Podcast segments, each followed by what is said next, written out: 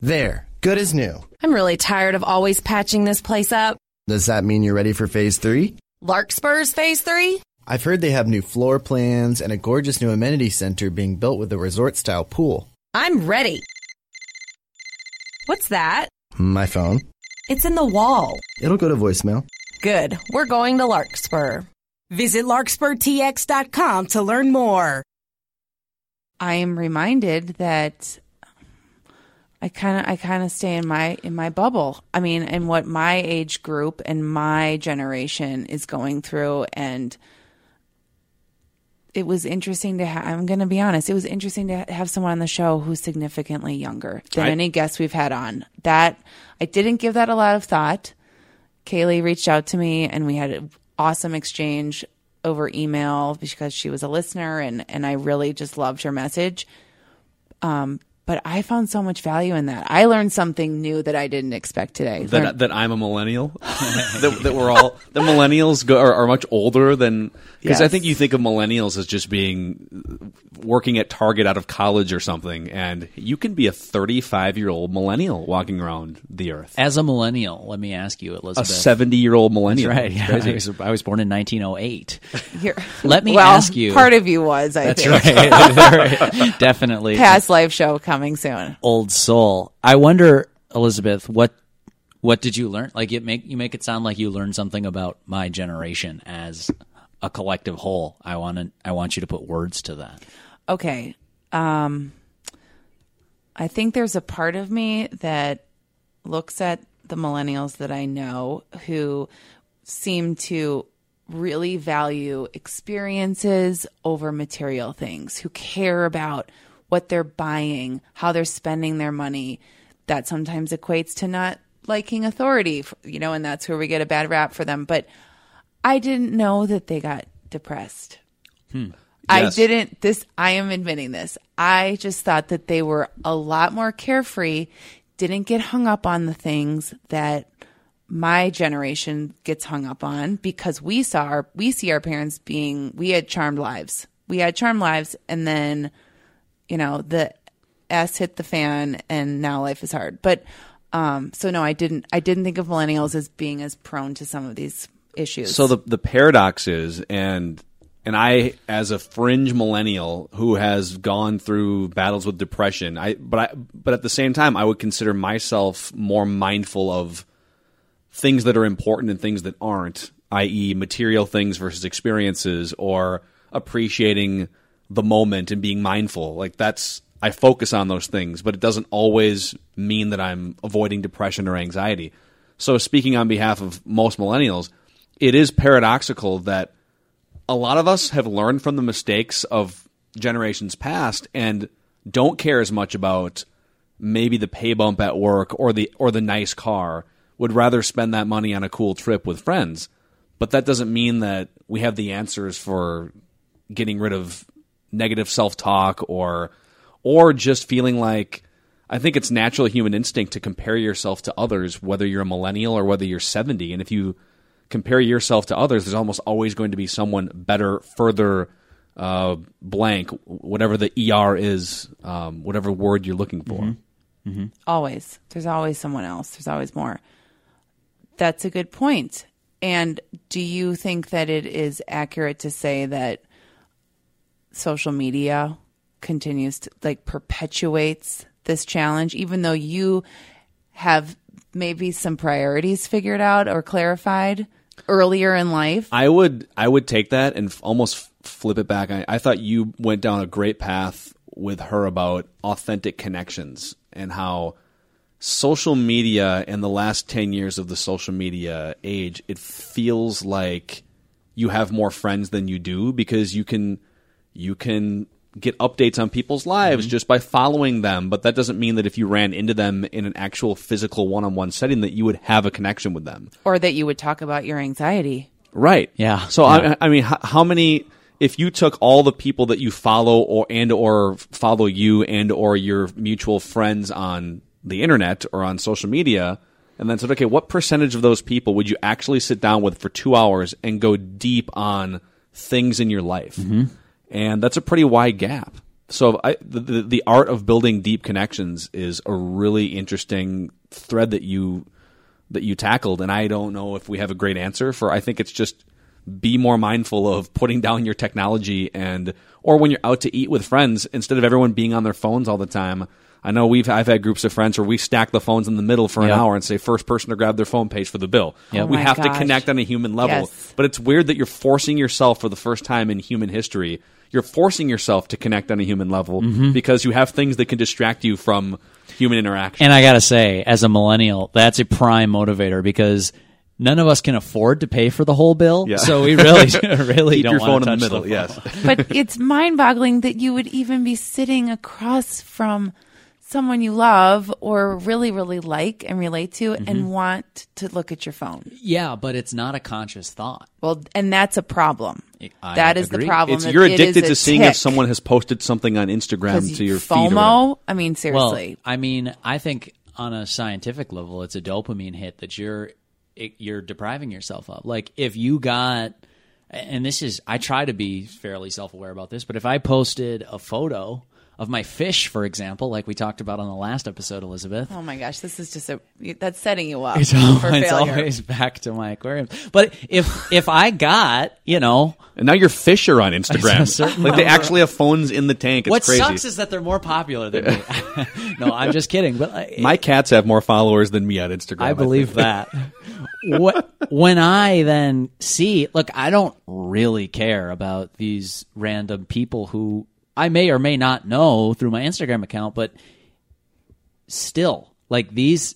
I think these social media companies are smarter than we give them credit for because they've set up the whole system to be that actually provides some dopamine. And so you get addicted to that feeling. People think it's addicted to checking the phone. No, you're addicted to the dopamine rush that comes from the likes from that experience, whatever it is, whether it's the likes or the shares or the connection, or just even seeing photos of beautiful places, like the travel stuff, is all fascinating on Instagram. It's almost like you guys remember high school yearbook signing time when I, maybe it was just at my Tags. schools, no I was of course on the yearbook committee it's and I was too. It's very exciting. And I were would, you the sports editor Um, I wrote. I wasn't an editor. I was below. I was a foot soldier, and I wrote sports stories. And I would finish the stories with three weeks to go until the deadline, and I would just slack off because I was an overachiever even then. But like this actually leads to a point of there's more things now to compare yourself to and to come up short of in mm-hmm. those comparisons, whether it's the number of likes on a photo, the number of friends or followers on platforms people your age that you now see because you can just see what people are doing a lot easier now than 10 or 15 or 50 years ago, mm-hmm. seeing through LinkedIn or whatever it may be. I'm 32 and that guy is 29 and is 10 steps further in his career or man that person it's it's you almost have to consciously shut down some of those lines of either communication or of content consumption or just be really really aware of the fact Yeah. that there's really no end it's it, you're There's a greyhound end. chasing a rabbit on a track round and round that's right Even as a guy who's, I try to be consciously aware of exactly what you just said, Phil. There's still this struggle of of separating yourself from it and being. I mean, I try to be as callous as I can about those sort of things. Oh, I don't care. I could not care any less if you like my fish tank or not. I think it's cool.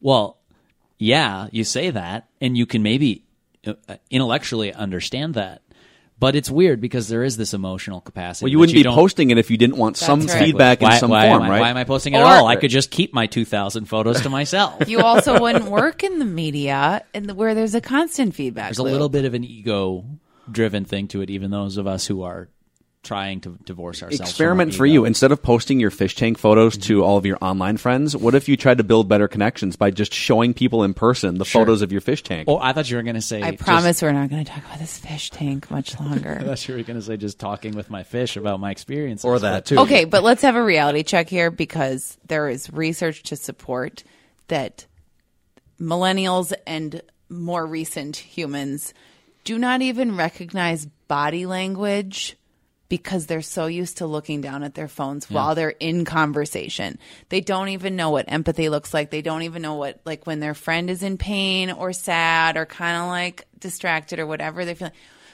we're like we're we're not even learning how to connect anymore because we're looking at a screen.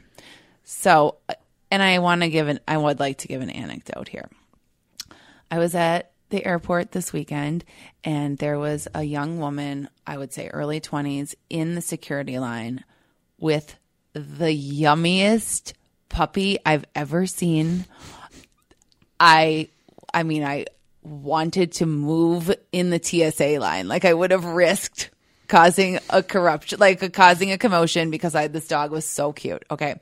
And I wound up next to her at one point and I'm making googly eyes with the dog and it's clear that I'm a dog person and she looks at me and instead of being like, "Oh, this is you know, this is Susie and she's so friendly and you can pet her." She looks at me and the first thing out of her mouth is, "You can follow her on Instagram." Wow. And tells me her handle. Stop. Stop. So Did you did you look up the dog? No, I, I Was it a a I- celebrity I, dog? kind of gave her the bird behind her back. Yeah, it's like on principle now. You can't go not- follow that it's, account. It was a rescue dog because I like still was stalking her once she got on the plane and like was determined to become friends with the dog. I mean, it was it was desperate, but um, that dog might be worth a million dollars a year in just Purina endorsements. well, sure. But here is, I mean, does it get any more raw than this? You started an Instagram hand feed for this dog. You have a potential fan or just a fellow fellow man in front of you who is loving on your dog and you don't even want that connection. Right. Mm-hmm. Why did you start the feed except if you want the Purina sponsorship? Because the whole point of us having the feeds is to expand the connection. I mean, that's mm-hmm. where these started, is to mm-hmm. stay in touch with people. So not only did this this dog owner deflect a potential opening for or, or reject well an opening for a human to human connection through the dog sort of opening the door, rejected that notion. Also rejected any sort of like online relationship with you and sent you to the dog's online relationship Yeah. instead. Sent me to my phone while I was in front of her and the dog was between us. That's a that's a great summation of where we're at in 2017. Everyone's trying to create, not only trying to create uh, bigger and better things for themselves, they're trying to create bigger and better things for their animals so that they can then benefit as well. And they're depressed and anxious. and now and I'm have- depressed and should see therapists. and anxious. What What do you guys think about uh, millennial men and therapy? Does this come up in your friendships? Uh, it, it doesn't. I think there's still a stigma. I think we were we were just talking about this um, off microphone. It is if you think of therapy as just making yourself better, there wouldn't be a stigma. If if if you admit that, especially as a guy, when your guys are more prideful and guys tend to swallow their emotions and tend to think of themselves as the rock, the physical and emotional rock, right? You can put your head on my shoulder and okay, well, what's your outlet? Because that's where you get your self worth. it is, but it it shouldn't necessarily be where guys get their self worth. No, it's too much pressure. But if you in, instead of thinking in terms of well, I'm seeing a therapist because I have something wrong with me, if you frame it as correctly, by the way, as I'm seeing a therapist because I just want to get better in life and as a human. Um, I don't know how you can poke holes in that being wrong or less manly in some form. No, and I would hope that if you said that to any of your friends, it would open up a dialogue. yeah. That's partly why the three of us are talking Well, because you bring that perspective. I know the man card thing is going to go away at some point, but I don't think it has yet. I like, oh, hand in your man card if you're X, Y, or Z. Right, that that's that it's emasculating in some Exactly right. As Don't you if think that the, matters. The ultimate man card, quote unquote, should be not, Not putting needing one? stock. Yeah, not putting stock into what people think about your man card. exactly right. I don't need or have a man card, but I'm just saying I don't think that's gone away. And I'll answer your question sort of just personally. I don't know any of my best friends who go to see a therapist. Now that doesn't mean that none of them do, because I'm guessing a certain percentage of them do. But I don't know about it. It hasn't come up even with my closest connections. So, and that's as a mid twenties male. I mean, If if one of them, if any of your friends told you they were in therapy, would you would you be curious? Would you want to talk about it? Would you be Yes. would you admire them even more for going? Yes, I think I think it helps you if you're again, you have to be on the same wavelength with this. If you're still in the mindset of, well, if you see a therapist then you should hand over your man card. You're probably not 12 oh, minutes into an in-between episode of a podcast called Healers for one. right. And, and are you collecting man cards? Is that like a hobby of yours? Can you make fake man cards? Is there like a, a fake uh, fake ID business? Um, but I I, see I a hashtag happening already here. but I would, you know, Derek and I both. I know him and I talk about. We read, we read books, uh, biographies about entrepreneurs. I know we. I've I've read a couple Steve Jobs books that I really enjoy. I read a Richard Branson book that I really love, and I'm reading those books in part because it helps make me better. I think I, it helps me think better. It helps me uh, be a better big picture visionary thinker for my own path and just for um, you know, whatever it may be. So if you summarize it, I read those books to get better. Well, what's the difference between that and I go see someone in person who knows much more about your lines of thinking? I go to see that person to get better. I don't see a ton of distinction there other than one of them could be praised because you're buying a book and reading it, and the other one is like, oh, we should keep it behind closed doors because it's right. embarrassing to go to a therapist, which it shouldn't be. You're absolutely right. I wish that more people thought that way. Maybe they will soon. Maybe we should go collect all the man cards and sell them before they lose value. They're losing value by the minute. Don't even. We'll do another show on like the divine feminine and how Yeah. what happens when because it's been stripped from the male society. And I would wager that the men, because I see it with my generation and future ones, if you don't read those books, if you don't go talk to someone, including maybe it's your friend or your brother or your mom or whoever, life just life is hard and and the more as we grow up it gets harder in certain ways and you need an outlet so they will be in therapy some of them will be in therapy at some point if they're not now so i would encourage like do it before you reach that p- mm-hmm. proverbial cliff And be sure to follow Derek's Fish on Instagram. It's at what is it? At something.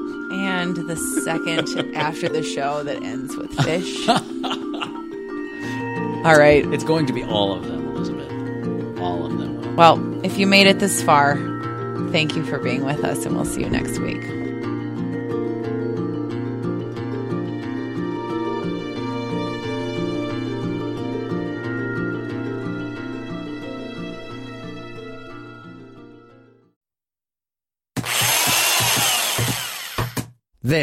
As new. I'm really tired of always patching this place up.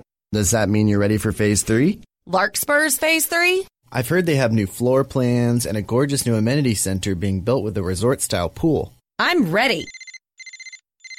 What's that? My phone. It's in the wall. It'll go to voicemail. Good. We're going to Larkspur. Visit larkspurtx.com to learn more. I'm Rita Foley with an AP News Minute. Thousands of residents of North Carolina are running for their lives after heavy rain from the big storm Alberto triggered landslides at a dam that's in danger of breaking. Missouri Governor Eric Greitens is resigning amid investigations about an extramarital affair and questions about campaign financing. I know, and people of good faith know, that I am not perfect. But I have not broken any laws nor committed any offense worthy of this treatment. Roseanne Barr is apologizing to those who lost their jobs now that her TV show's been canceled after she tweeted a racist comment about an advisor to former President Obama, Valerie Jarrett. First of all, I think we have to turn it into a teaching moment. I'm fine. That's Valerie Jarrett speaking there. Wall Street expected to open higher after a tough day yesterday. The Dow lost 391 points to close at 24,361. I'm Rita Foley.